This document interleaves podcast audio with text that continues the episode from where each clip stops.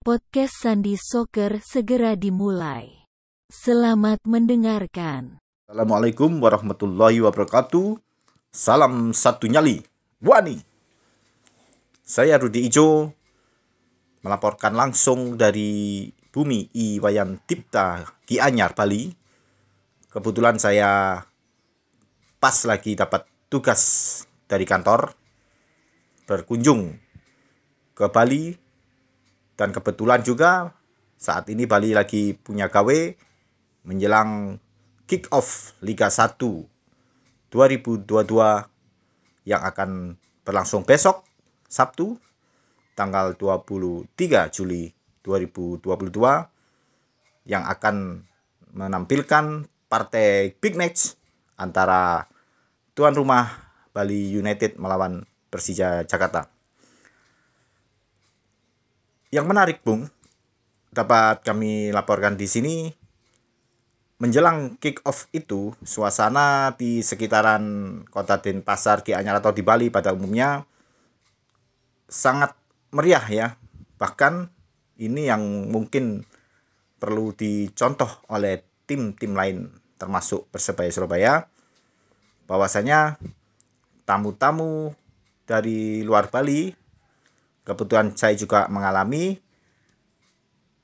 di lobi-lobi hotel di hotel tempat saya menginap itu kalau saya amati uh, ada suguhan air mineral ya itu berlogo Bali United. Entah ini sponsor reguler atau khusus uh, menyambut pembukaan Liga 1 yang jelas saya agak sedikit tercengang kagum. Wah ada buah atau ada air mineral yang berlogo Bali United. Dan ini tidak saya temui di Surabaya. Kenapa? Logo-logo air mineral terkenal loh ini, Bung.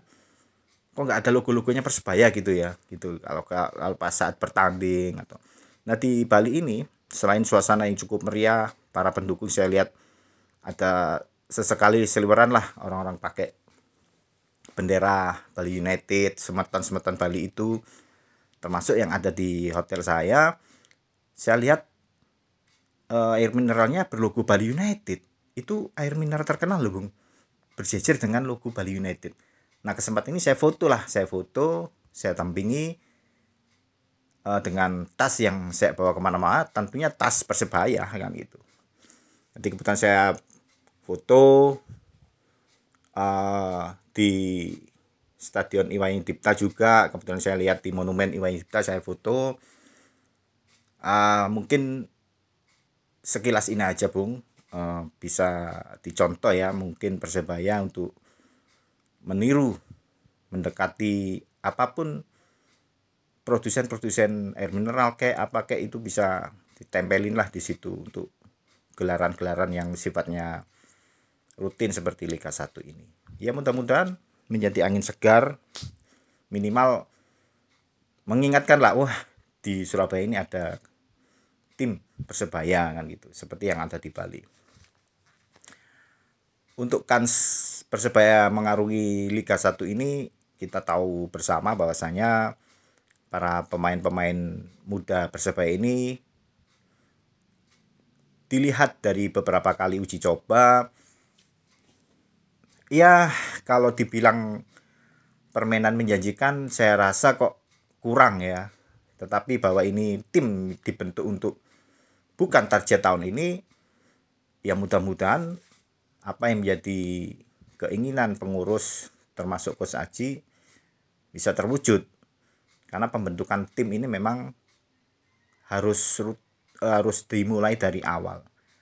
Tetapi Persebaya sendiri juga harus konsisten Artinya kalau pembentukan generasi-generasi pemain muda ini sudah berjenjang dan sudah menghasilkan, jangan lantas dijual kan gitu kan. Percuma nanti kita uh, apa istilahnya membuat training camp, membuat pemusatan latihan atau membentuk karakter pemain dari persebaya usia dini dan ternyata kalau sudah menjadi pemain yang bisa diandalkan malah direbut oleh tim lain ini tentu merugikan bagi Persebaya karena pembentukan tim itu nggak mudah kan itu dan juga saya lihat dari beberapa tim yang notabene instan ya. Ada beberapa tim itu saya lihat ternyata ya ya nggak nggak nggak juga nggak on juga kan gitu. Apakah itu hanya di partai pramusim dia meletaknya di Liga 1 nggak tahu. Cuman kan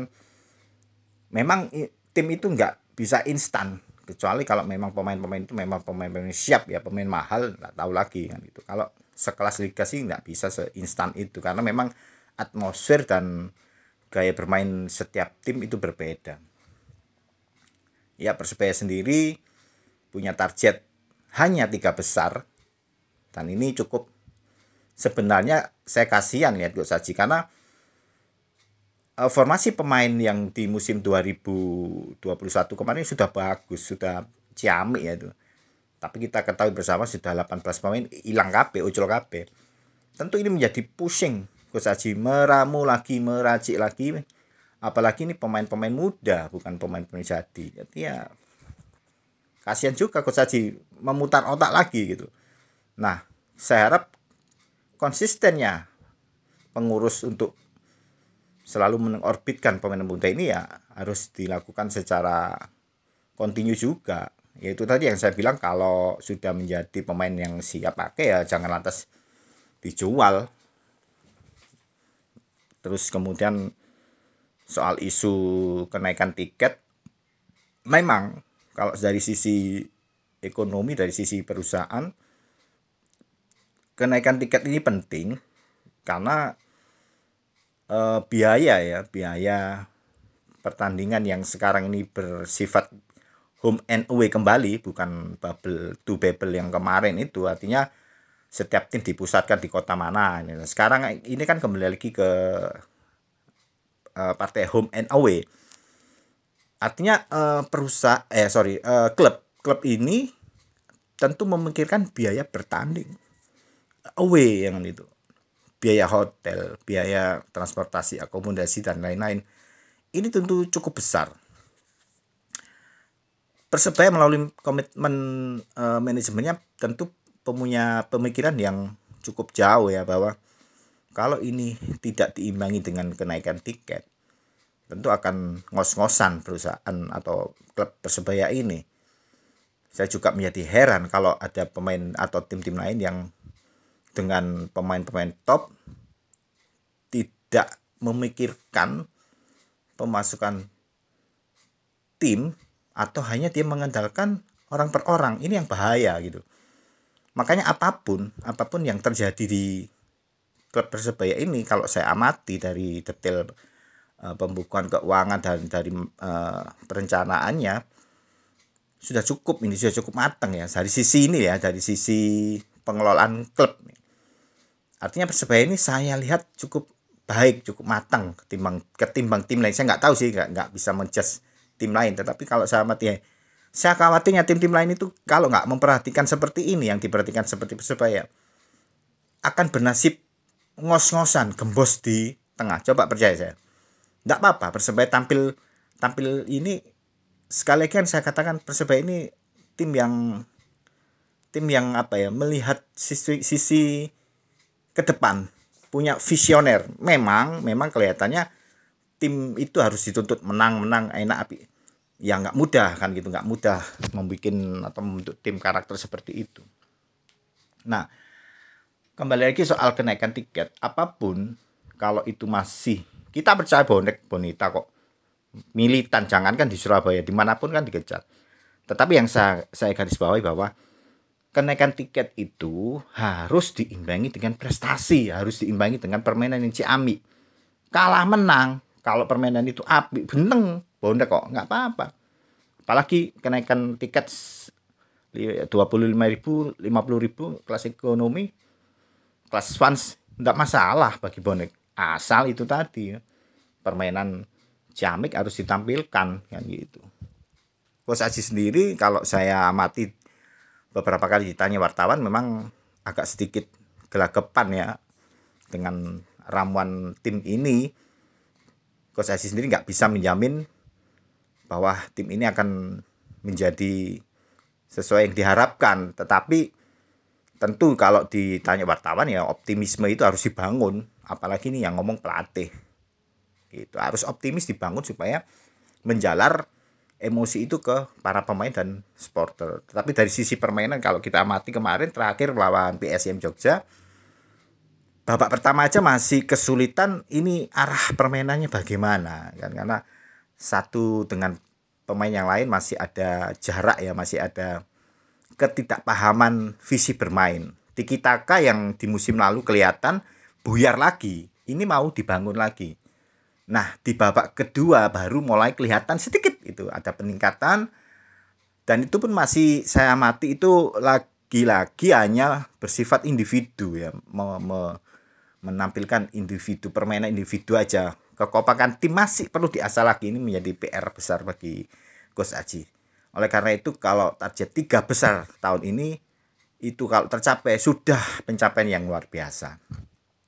Sedangkan dengan komposisi pemain uh, komplit aja ya di tahun uh, atau di musim kemarin Persebaya finish di lima besar. Sedangkan pemain-pemain baru di musim ini kurang pengalaman, kurang jam bertanding menarsikan tiga besar. Ini agak sedikit ini apa ya overconfidence atau apa nggak tahu. Tapi dengan komposisi tahun lalu dengan sekarang kan berbeda. Apalagi targetnya lo kok tiga besar mestinya lima besar gitu oke okay lah tiga besar.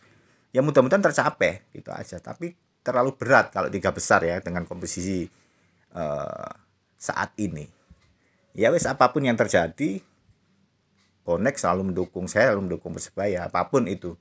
Semoga apa yang menjadi cita-cita manajemen untuk membuat persebaya lebih maju ke depannya sehat dari sisi keuangan tanpa telat memberikan gaji mulai meningkatkan fasilitas-fasilitas pemain ya mudah-mudahan menjadi klub profesional yang tidak bergantung lagi pada orang per orang. Ini yang saya garis bawahi. Jadi gitu aja Bung. Saya laporkan langsung dari Bali. Assalamualaikum warahmatullahi wabarakatuh. Salam satu nyali wani.